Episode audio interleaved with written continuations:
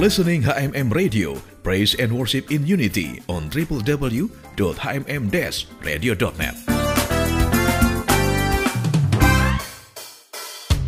Sobat HMM, maraknya penyalahgunaan narkoba terutama oleh generasi muda saat ini sangat membahayakan keberlangsungan hidup bangsa ini di kemudian hari.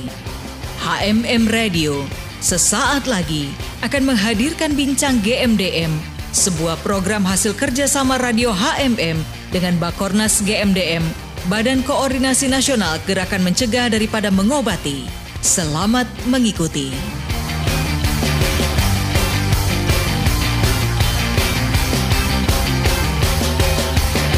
Dari kawasan Sentul Bogor, Indonesia, HMM Radio Praise and Worship in Unity Voice from Home.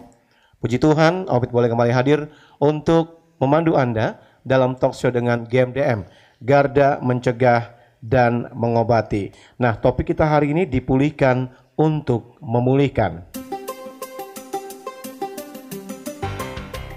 Untuk semua teman-teman yang saat ini sedang berjuang agar total lepas dari keterikatan penyalahgunaan obat-obat terlarang, tetap semangat ya, terus berjuang. Sekeras dan sebesar apa pun perjuanganmu, maka sebesar itu pula lah hasilnya.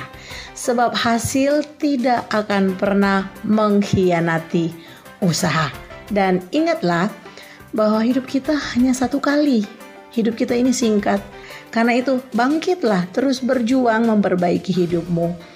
Terus berjuang untuk hidup semakin berkenan di hadapan Bapa sebab kamu sangat berharga di matanya. Jangan pernah mengandalkan narkoba untuk mencari jawaban dari segala kekhawatiran. Serahkan segala kekhawatiranmu kepada Tuhan, mengadulah kepada Tuhan, layaknya anak kecil yang mengadu kepada bapaknya. Utarakan semua ketakutan dan penyesalanmu. Tuhan pasti menjawab setiap keraguanmu dan Tuhan juga pasti memberikanmu lebih ya dari yang kau minta. Kita pernah salah, tetapi tidak pernah ada kata terlambat untuk memulai sesuatu yang benar. Lakukan perkara yang positif dan usahakan untuk hidup jauh dari dosa. Jadilah terang dan garam dunia. God bless. Narasumber yang sudah ada bersama dengan saya, yang satunya tidak asing, tapi yang satu baru saja pertama kali untuk berbincang-bincang bersama dengan kita hari ini. Yang pertama ada Mas Bambang. Halo, Shalom Mas apa Bambang. kabar? Siap. ini Kadif Konselor ya Mas Bambang ya? Ya, Kadip eh, rawat inap dan rawat, inap jalan. Siap. Iya. Dengan berbagai macam aktivitasnya, tapi selalu terlihat semangat. Siap. Selalu karena melayani. Hmm, Bukan dengan dilayani, hati. Iya, dengan hati. karena melayani bukan dilayani. Nah, Siap. itu luar biasa nih. karena untuk memulihkan mereka yang perlu dipulihkan ya. Ya, Mas kita orang-orang ya. dipulihkan untuk memulihkan. Iya, itu dia. Nah, Mas Bambang tidak sendirian, ada Mahes. Shalom Mahes. Shalom. Iya, ini pertama kali kita berbincang. Baru pertama, baru pertama, Hmm. baru pertama. Nah, gimana nih Mahes? Apa nih aktivitasnya sehari-hari? Kalau aktivitas sekarang hari-hari sih untuk sampai saat ini sampai detik ini sih masih bantu loyalitas di GMDM. Oh, iya. Ya. Jadi bersama dengan Mas Bambang Iya, juga ya, iya. membantu memfasilitasi juga mereka yang terlibat penyalahgunaan narkoba begitu ya. Sebenarnya menyemangati juga, Hmm. mudah-mudahan motivasi juga ke orang kan. Kalau Iya. saya bisa kok mereka nggak bisa itu. Nah, ini Mahes bisa cerita sedikit nih. Mahes ini sebenarnya latar belakangnya apa nih? Ya. Sebenarnya sih kalau latar belakang jadi sama kayak orang pada umumnya gitu ya kan. Dapat kayak sayang orang tua tapi mungkin agak berlebihan ya kan. Jadi terlalu terlena kita dimanja sama orang tua sampai kena yang namanya pergaulan. Dan rasa ingin tahu kita apalagi maksudnya masih umur umur belasan ya kan.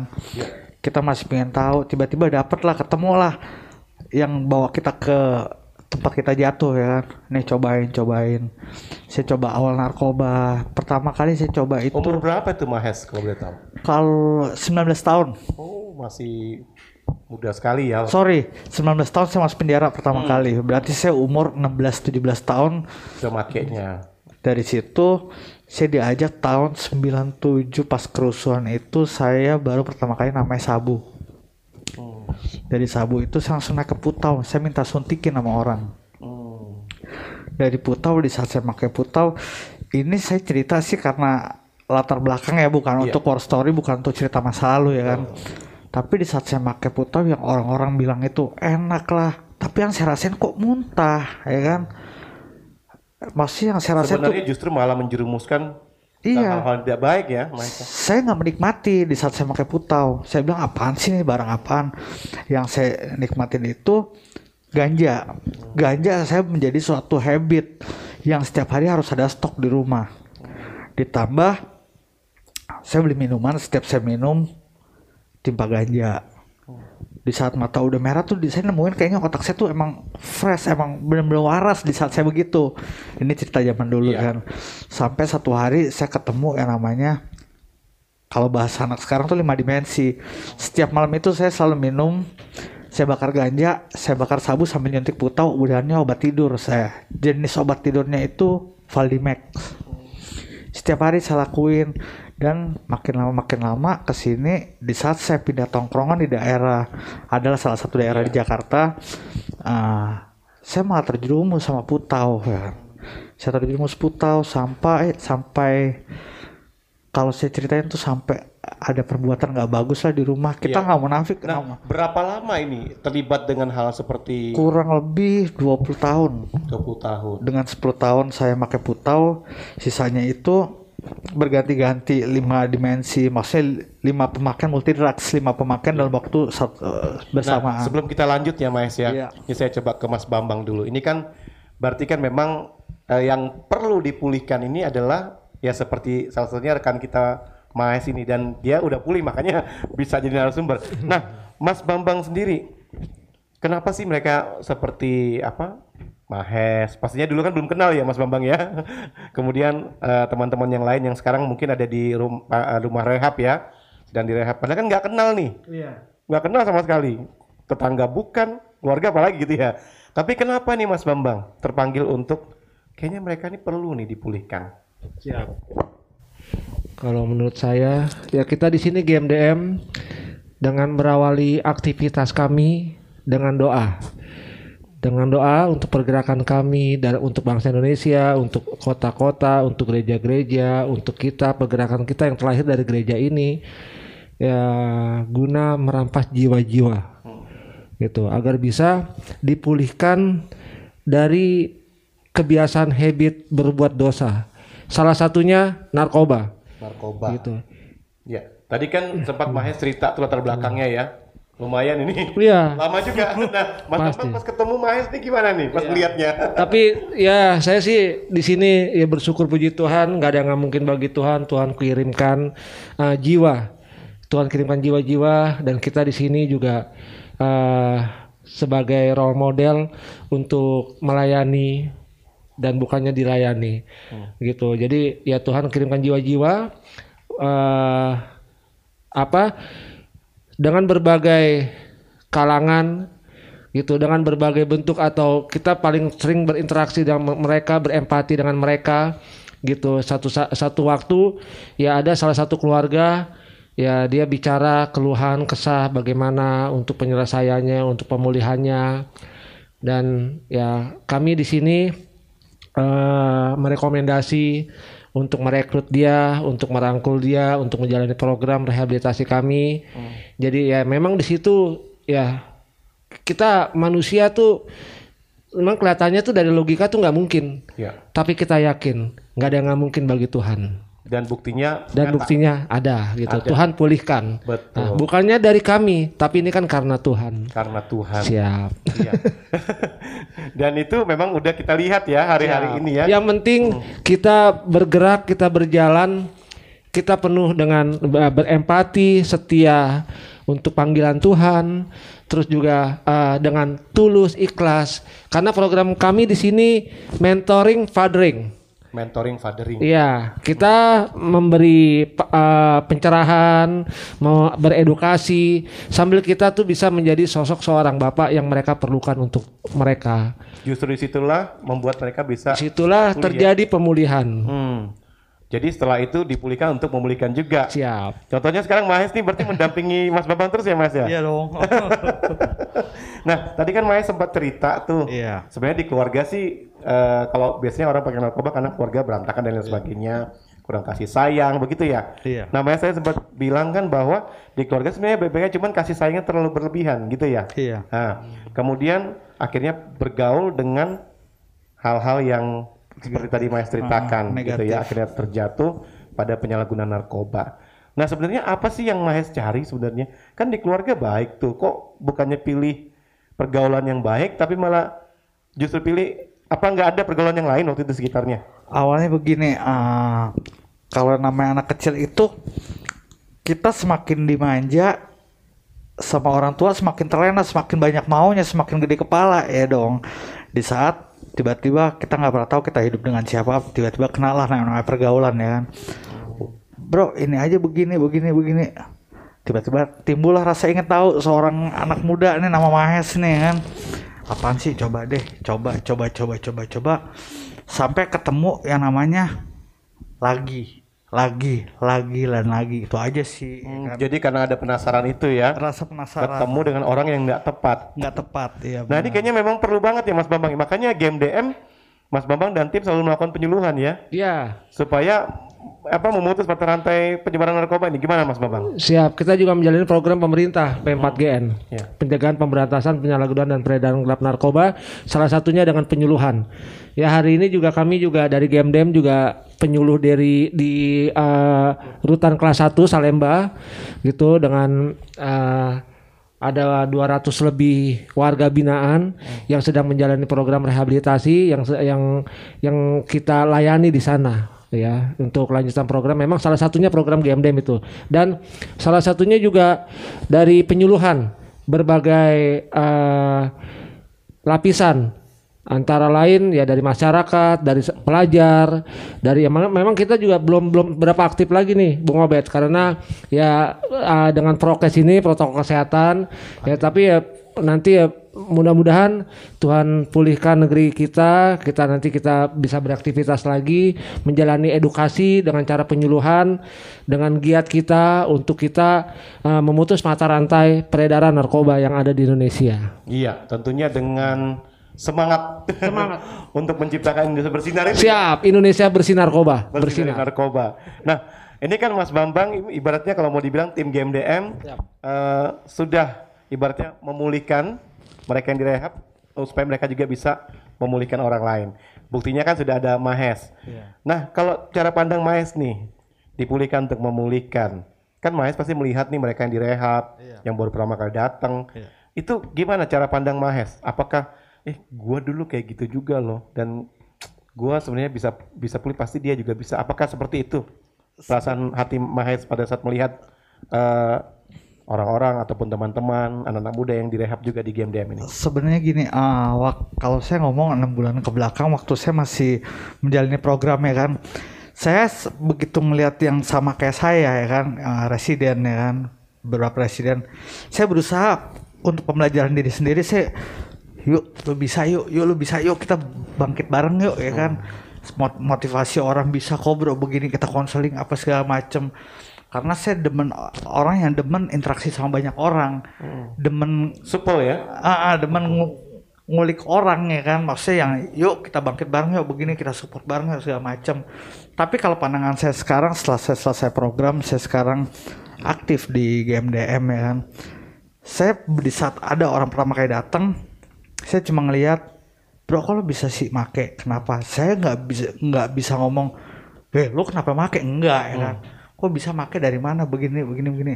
Tapi percaya sampai tadi tuh sampai tadi setengah tujuh ya pak ya. Sampai tadi saya bilang sa- ada satu, satu orang residen saya bilang saya bilang gini masih ada harapan. Dia pernah nambahin apa apa pak ya? Tadi pas saya bilang masih ada harapan dia selalu ada harapan.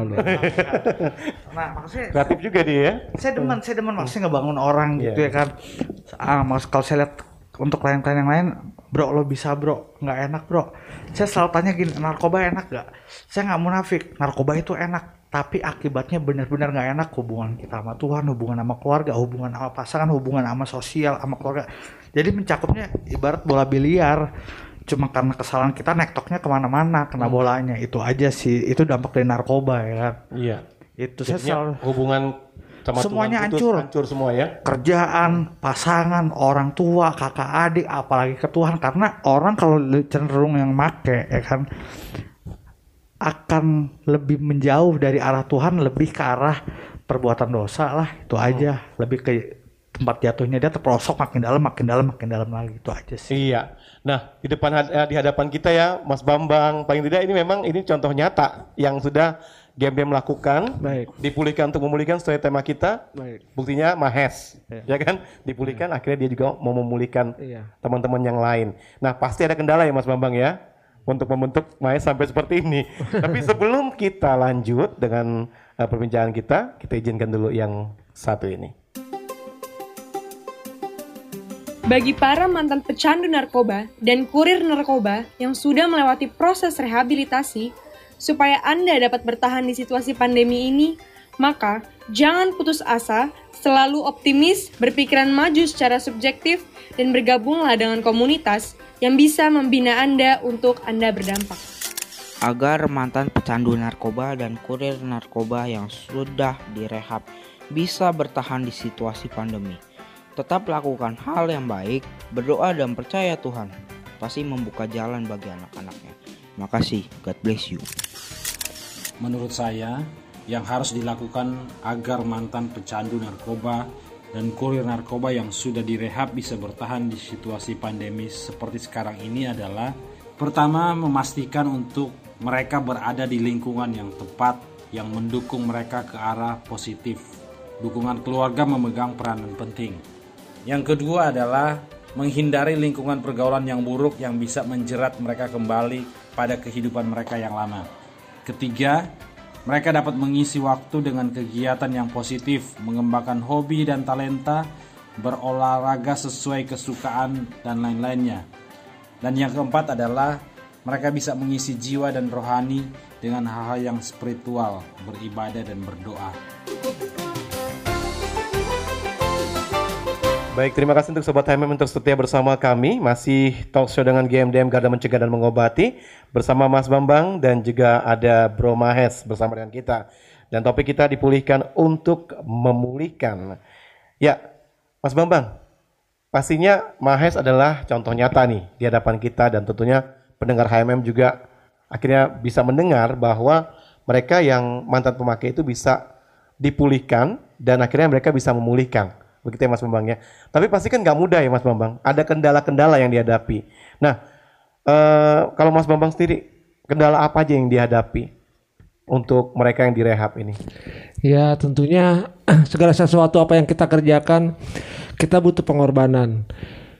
Sesuatu yang kita kerjakan kita juga eh, butuh ketaatan dan kesetiaan gitu. Dan kita percaya yakin bahwa segala sesuatunya nggak ada yang mungkin bagi Tuhan.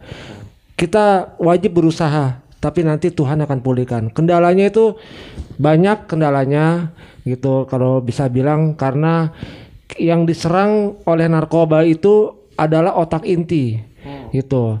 Karena kita bermain di psikologisnya gitu, di psikologisnya, di karakternya.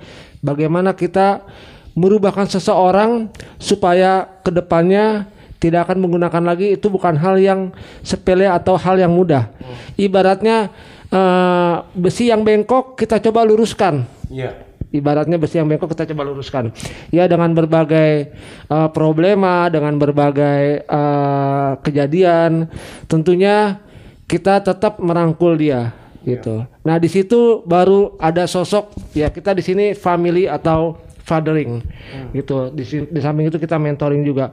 Kendalanya tuh sangat luar biasa sekali gitu. Dari dari perilaku, dari cara bicara, bagaimana Nah, tentunya kita arahkan, kita bawa ke kegiatan kita yaitu ya ibadah rutin Iya. yang diadakan oleh GMDM gitu. Salah satunya program GMDM itu eh, kegiatan doa pagi bersama gitu. Kita bersekutu bersama gitu.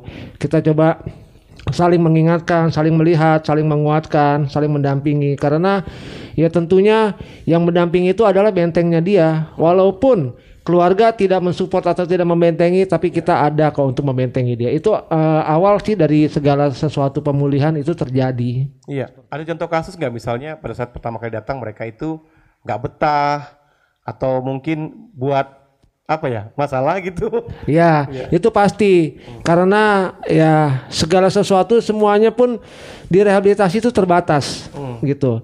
Ya kalau kita di sini uh, tidak ada toleransi sama apa pun juga gitu. Apa salah satunya dengan rokok oh. gitu. Jadi ya kalau mereka kan biasa di luar sana kan ya dengan kebebasan dengan uh, kehidupan di dunianya mereka itu mereka ya nggak nggak nggak nggak ada kekangan atau nggak ada perhatian. Tapi kalau di kita itu sangat-sangat diperhatikan gitu.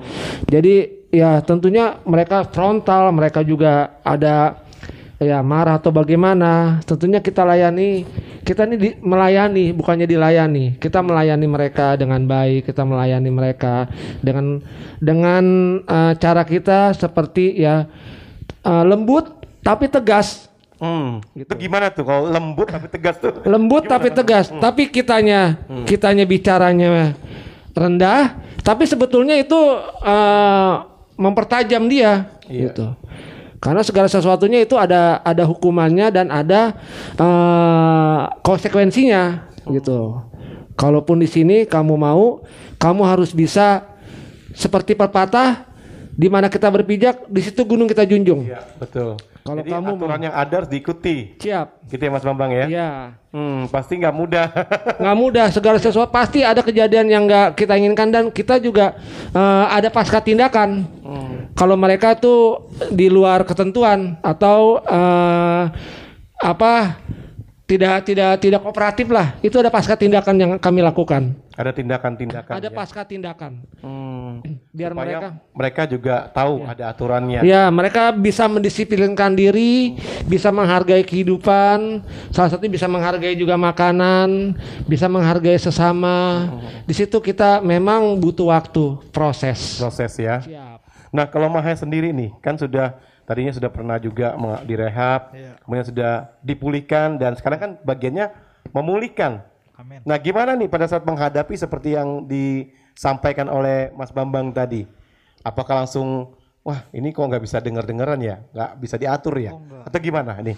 Kalau saya kan selalu diajarin uh, sama beliau nih sama Pak Bambang, sama Pak Jeff, kita punya kasih, kita tunjukin nih Kristusnya, sifat Kristus ya kan kasih. Jadi setiap ada yang datang tuh mungkin hampir 90% setiap yang datang ke rehab untuk jalanin program semuanya penolakan. Pasti ada dengan gayanya masing-masing ya kan. Cuma gimana kalau kita kita manusia ya, kalau kita ladenin secara manusia emosi timbulnya ya kan. Tapi kayak kemarin saya diajarin ada satu residen HES jadi diajak ngobrol. Hmm. Ini orang masih ada penolakan, jadi diajak ngobrol. Saya belajar taat patuh aja ya kan. Iya. Saya cuma sekedar tapi kan game-game ini mencakup universal ya kan karena dia puasa saya ladenin dia layaknya memanusiakan manusia iya. saya tanya kamu ini gak apa puasa hmm. saya berusaha bangun walaupun masih ketiduran sih iya. saya bangun sahur saya ambil makanan saya saya anggap dia man Buat manusia dia, ya. manusia ya maksudnya dengan perlakuan kita kan otomatis dia terenyuh ih gue di sini dianggap loh ya kan hmm. masih diperhatiin untuk sahur segala macem. Tapi saya tetap belajar taat. Tes jangan diajak ngobrol dulu. Ini orang secara psikologinya narkoba itu otaknya masih ibarat tuh kalau kopi tuh disiram air putih terus kan belum putih banget ya kan? Oh. jadi masih masih masih banyak kiasan ya. Luar biasa ya. Tapi ya ya ini kenyataan ya. Nah, saya saya beliau bilang kan uh, Hes jangan diajak ngobrol saya nggak ajak ngobrol paling sih cuma sekedar tanya puasa gak? Hmm. mau buka gak terkadang Hes kalau bisa beliin kolak ya kan. Ini ambilin makan gini. Dan saya berusaha tepat waktu misalnya pas maghrib saya kasih makan. Dan akhirnya pun baru semalam karena saya udah dapat omongan dari beliau nih coba ya saja ngobrol ya kan sharing. Lu kalau kasih tahu siapa nih lu ya kan. Tapi kalau bisa lu coba lu bisa bedah ya kan lo, lo kasih semangat gini-gini saya ajak ngobrol ternyata dan saya bilang tadi pak dia enak loh ternyata orangnya. Karena waktu hari pertama datang tuh dengan fisiknya dia tuh yang masih melotot masih ada penolakan tapi sekarang tuh udah mulai down ya kan. Mulai tenang. Udah Mungkin mulai udah tenang. nyaman kali ya. Kalau ditanya nyaman nggak ada yang pernah nyaman di rehab ya kan. Cuma dia udah mulai tingkat adiksinya udah mulai melemah ya kan? nah tingkat dari narkobanya itu udah mulai melemah jadi jadi dia tuh yang yang yang lebih down ya kan? Saya ajak ngobrol ya kan? Iya iya iya saya ajak ngobrol udah mulai iya iya. Cuma tetap kita nggak bisa percaya gitu aja kan orang narkoba saya juga Iya. bekas orang Iya. narkoba ya kan? Tahu ya. Tapi saya berusaha selagi dia bisa menghargai saya saya benar menghargai dia itu aja sih. Iya jadi percaya tapi nggak 100% gitu ya masih iyalah, tetap iyalah, jangan sampai kejeblos kita. Iya. ya kan? apalagi udah pernah dulu Karena saya selalu diajarin gini, kalau uh, ini Pak Bambang selalu bilang gini, Hes ngobrol sama siapa pun jangan sampai kamu terbawa. Kalau bisa kamu ngebawa ke arah positif tuh. Itu doang sih. khususnya mereka mantan pemakai atau eh, yang lagi direhab gitu ya, ya. Wah luar biasa banget nih, berarti kuat banget nih mentoringnya Mas Bambang ke Mahes ini berhasil ini. akhirnya memang Mahes terbentuk dan akhirnya ya itu tadi dipulihkan untuk memulihkan. Wow, luar biasa banget. Nah, tadi kan saya sempat eh, pada saat eh, tema ini saya lihat, wah dipulihkan untuk memulihkan gitu kan. Saya sempat terpikir, ada nggak sih eh, tim dari personel GMDM sendiri? Nah ternyata memang ada, nyata ya. Ada beberapa dan yang salah satunya ya Mahes ini sendiri gitu loh. Ada di hadapan kita. Nah tentunya ini kan memang tidak mudah ya Mas Bambang ya. Untuk menjadikan dia seperti ini. Wow, tidak semudah kita membalikkan telapak tangan. Bener, itu dia. Nah, pada saat khusus untuk Mahes nih, apa sih Mas Bambang sampai bisa gitu membentuk dia seperti ini Mahes sekarang punya hati juga untuk memulihkan orang lain. Iya, ya, ya puji Tuhan. Ya kita kembalikan segala sesuatunya tuh kepada Tuhan dan untuk Tuhan. Ya juga yang tadi saya bilang nggak ada yang mungkin bagi Tuhan. Tentunya kita sertai dengan doa, dengan doa dan tindakan, dengan doa dan tindakan dan merangkul eh, yang tersebut ini untuk mengarahkan ke depannya biar bisa lebih baik lagi. Tentu ada pembinaan-pembinaan khusus yang mana karakternya suka di luar eh, logika. Karakternya di luar logika. Tapi secara manusia memang kita nggak akan terima. Tapi tapi kalau secara kita ketuhanan dengan kasih, kita tetap eh, menunjukkan bahwa eh, manusia itu pasti eh, bisa pulih, bisa baik gitu. Karena pada dasarnya tuh manusia tuh baik. Karena akibat pergaulan yang tidak baik, karena akibat agak rentan, agak kosong ruang hidupnya untuk Tuhan, ya dia bisa berbuat begitu. Tapi kita berupaya eh, semaksimal mungkin ya pelan-pelan semuanya butuh proses butuh waktu dan kitanya juga ya tetap sabar tetap kuat Tuhan tunjukkan kau mujizatnya Iya. amin Amin ya. Nah, Mahes nih, saya sekarang mau nanya gini, Hes. Kenapa sih apa sih yang membuat Mahes akhirnya mengambil keputusan nih? Saya ya harus berubah. Ya kan, saya harus pulih nih. Apa? Apakah melihat tokoh Mas Bambang atau Pak Jeffrey atau bagaimana nih? Sebenarnya gini, um, kalau awalnya ini saya kita belak belakan aja ya. Mungkin kalau saya nggak ketemu wadah satu komunitas yang namanya GMDM, mungkin saya sekarang mungkin saya udah ada di kantor polisi atau mungkin di penjara ya kan. Dan karena saya ada di sini, saya pun ngerasain yang namanya di saat pertama kali saya penolakan ada ya kan. Tapi saya berusaha nggak ngerasin hati. Saya lihat dari ketua umum Pak Jeffrey ketua umum GMDM dia mempunyai kasih yang luar biasa nih orangnya udah susah dah nggak tahu dari apa itu hatinya ya kan Iya, bisa iya. gitu yang kedua personil personilnya tuh yang Pak Bambang ada beberapa personil yang kita nggak namanya orang narkoba tuh stigma seumur hidup stigma negatif ya kan? Bahkan sampai keluarga saya pun stigma ya kan? Dan saya berusaha open. Yang penting kan kita saling terbuka. Berapa lama make begini? Dan saya nggak nutup, nutup kemungkinan saya open status saya pun positif. Karena akibat pemakaian resiko dari perbuatan ya kan? Saya positif HIV kan? Ah, tapi saya minum obat ya kan? Saya terbuka sama dia apa lama sama yang lain. Dan saya nunjukin gini ini umur saya sekarang berapa loh? Anak istri belum ada.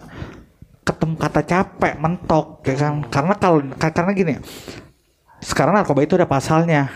Otak nggak sehat. Tapi kalau yang kayak begini kan orang malah lebih seneng Hes lu bi- walaupun masih ada stigma tapi lu bisa ya saya bisa kata-katanya bagus gini-gini. Orang kan bisa ngeliat dari perubahan ya kan? Kalau tanya kenapa ya capek lah udah umur segini kalau masih narkoba. Bahasa anak mudanya hello apa kabar? Ya kan? Itu aja sih ya kan? Lebih baik maksudnya kalau berubah kan orang juga banyak yang lebih sayang sama kita ya kan? Dengan pelan-pelannya perubahan kita kan orang bisa ngeliat dari mata sendiri itu aja sih ya kan Ibaratnya prestasi Mahes mengikut prestisenya gitu ya. Hmm, jadi apa ibaratnya eh, Mahes bisa terima karena memang ya benar-benar memang dia berubah. Dan kalau saya mendengar cara Mahes berkata-kata tadi, wah luar biasa ya. Makanya saya cukup kagum tadi ada istilah kiasan apa kopi disiram air putih, nggak bakal langsung putih gitu ya. Iya makanya kita berusaha biar dia tuh bisa berubah dengan sendirinya, bukan lagi perubahan dari eh, tekanan atau nasihat, tapi perubahan dengan sendirinya itu jauh lebih berarti. Betul. Dan akhirnya memang dia akhirnya dipulihkan untuk memulihkan gitu ya.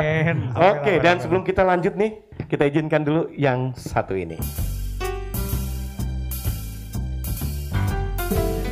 Keluarga itu buat saya adalah tempat yang paling nyaman di muka bumi ini. Tuhan berikan keluarga sebagai tempat menaruh segala perasaan, baik itu senang ataupun sedih. Keluarga adalah lembaga terkecil yang Tuhan bentuk atau ciptakan. Keluarga itu bukan hanya sekedar sekumpulan orang yang memiliki ika- ikatan darah dengan kita, tetapi keluarga itu adalah rumah di mana kita bisa berpulang ketika kita lagi di low position in life. Keluarga itu bisa jadi healing pills, bisa jadi penyembuh, bisa jadi obat waktu kita lagi eh, ngehadapin semua hal-hal yang nggak baik yang terjadi di dalam hidup kita. Keluarga menurutku adalah suatu ruang atau tempat di mana bisa bebas melakukan apa pun atau berekspresi seperti apa tanpa adanya diskriminasi atau judgement terhadap kita. Dan bisa jadi pilihan sandaran ketika berada di titik terlemah kita dari hiruk pikuk dunia luar gitu dengan cukup berada di tengah mereka itu udah berikan ketenangan dan kenyamanan.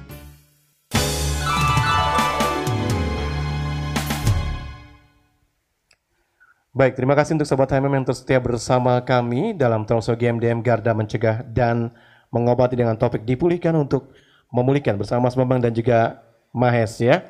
Nah, Mas Bambang, ini kan tentunya ada cara yang tepat untuk orang-orang ini dipulihkan dan akhirnya bisa memulihkan. Ya kan, kalau Mahes ini memang kuat sekali, akhirnya dia punya kerinduan untuk memulihkan orang lain. Nah, cara-caranya gimana tuh, Mas Bambang? Cara-caranya kita di sini eh, terapi community. Kita program kita TC terapi community itu itu cara-caranya kita eh, ko- community yang positif, community yang yang benar-benar ya saling membangun, saling mensupport. Itu salah satu cara-caranya untuk bisa memulihkan gitu. Yang tadinya sudah adiksi, salah satu seperti mana sudah adiksi, ya berangsur-angsur dengan waktu eh, berjal- berjalannya seiring waktu ya Tuhan tunjukkan kok segala sesuatunya bisa eh, berjalan dengan baik. Ya salah satunya juga banyak juga peristiwa yang ya seperti eh, jangki ya pengguna itu kan ya karena dopamin positifnya sudah tertutup ya yang terbuka dopamin yang negatif makanya dia rentan. Dia rentan dia pribadinya juga nggak stabil eh, priba- pribadinya juga rapuh makanya dia nggak bisa eh, kuat gitu dalam apa pun yang terjadi selalu ya dia bisa menuruti gitu tapi dengan kitanya merangkul, benar-benar menguatkan dia, benar-benar ya mendampingi dia, mensupport dia, ya pastinya akan berubah dengan sendirinya itu pasti gitu. Karena ya saya percaya ada awal, ada pertengahan, ada endingnya. Nah, ini dia. Ada awal, pertengahan, endingnya. Iya, nggak mungkin. Dan ada pertengahan, pertengahan terus. iya. Kita rindunya happy ending ya Mas happy ya? ending pasti ada ada ada nanti ada satu titik ada satu titik yang memang Tuhan persiapkan. Hmm. Kita kalau memulihkan seseorang, kita kan sama juga itu permasalahan yang kita terima.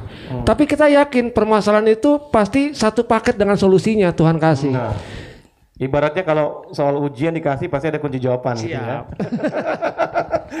ya kena-kena dikit lah ya. Jadi ada masalah pasti ada solusinya gitu. Ya, ya. dan masalah itu nggak mungkin Tuhan kasih melebihi batas kemampuan kita Hmm. sebagai petugas eh, rehabilitasi di sini. Iya. Dan Pasti Tuhan kasih. tidak mudah tetapi bisa gitu Teta- tidak mudah tetapi bisa. Tetapi bisa. Buktinya ya ini Mas. Salah satunya banyak yang kita puli- pulihkan ada ratusan ribuan orang mungkin salah Iya. satunya Maes nih. Yang bisa diundang ya Mas. Siap, yang bisa diundang. Dan akhirnya dia mendamping Mas Bambang untuk memulihkan yang lain. Hmm. Nah, saya coba ke Mahes. Mahes kan ibaratnya nih Mahes yang sudah pernah di rehab, kemudian udah pulih, sekarang malah memulihkan lagi yang lain, ya Iya. kan? Nah, kebanyakan mereka mantan pemakai kalau sudah dipulangkan ke keluarga ada stigma begitu. Iya. Nah, kalau Mahes sendiri gimana, Mas? Kalau saya sih em, stigma itu kan label yang melekat di diri kita ya kan pandangan orang negatif ya. kan. Kalau saya menurut saya sih namanya stigma itu melekat seumur hidup selagi kita hidup ya kan.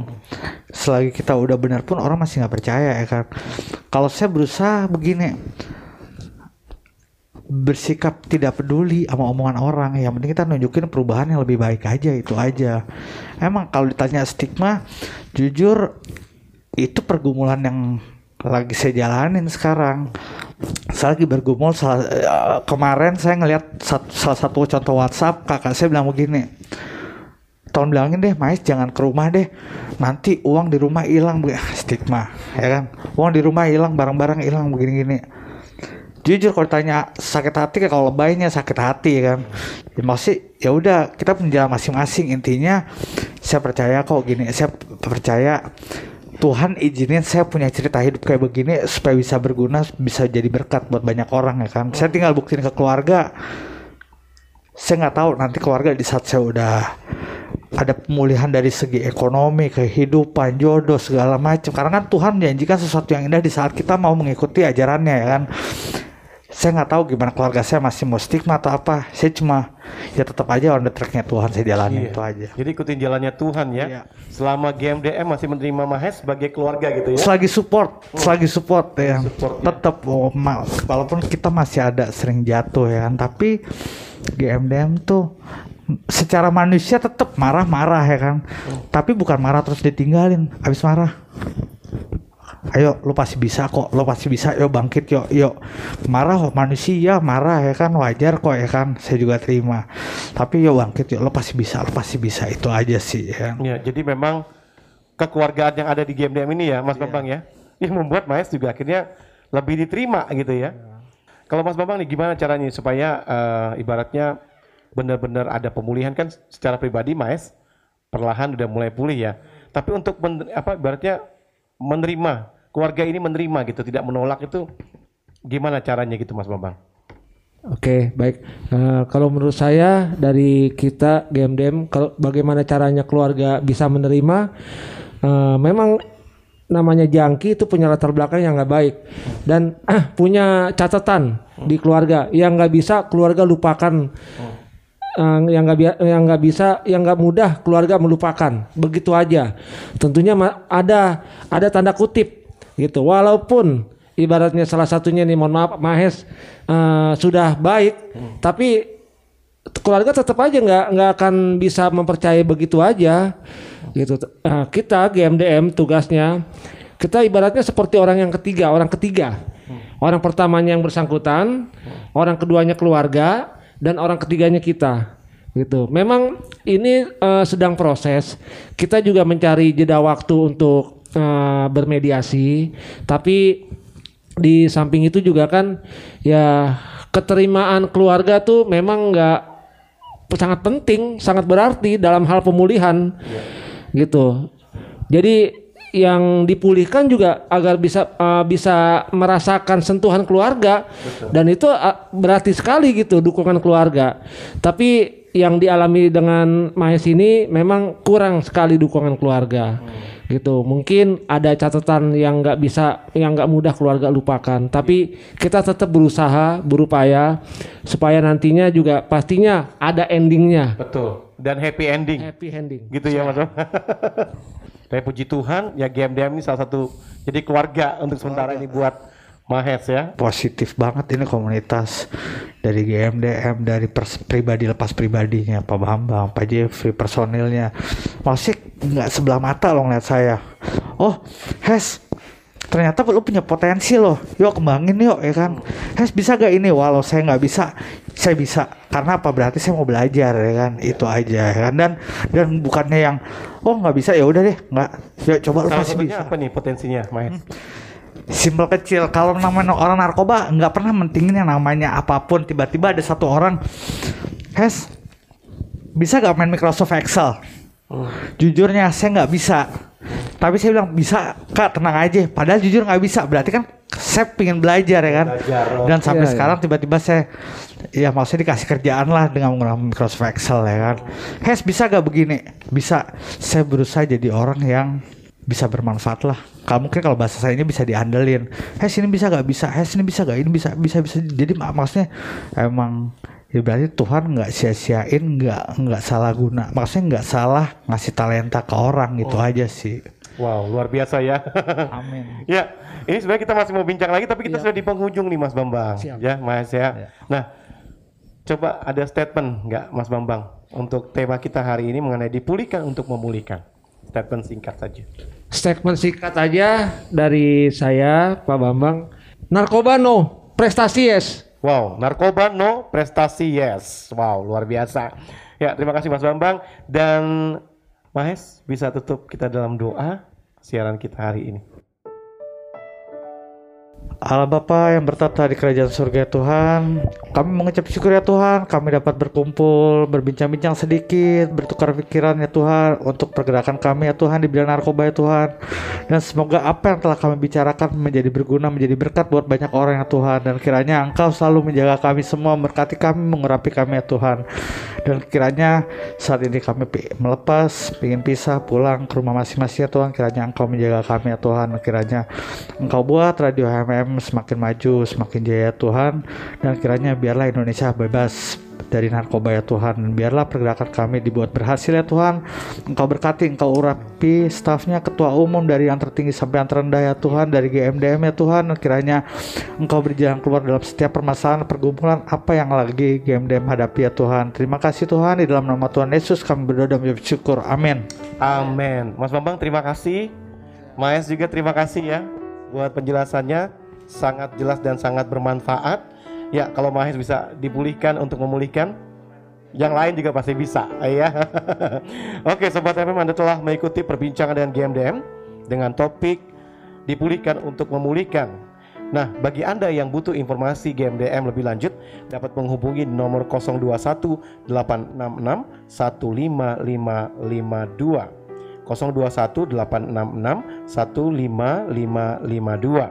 Nantikan perbincangan kami selanjutnya dengan topik menarik seputar penyalahgunaan dan pemberantasan terhadap narkoba untuk menciptakan Indonesia bersinar bersih dari narkoba. Sampai jumpa. Sobat HMM, Anda baru saja mengikuti Bincang GMDM, sebuah program hasil kerjasama Radio HMM dengan Bakornas GMDM, Badan Koordinasi Nasional Gerakan Mencegah Daripada Mengobati. Terima kasih atas kebersamaan Anda. Sampai jumpa.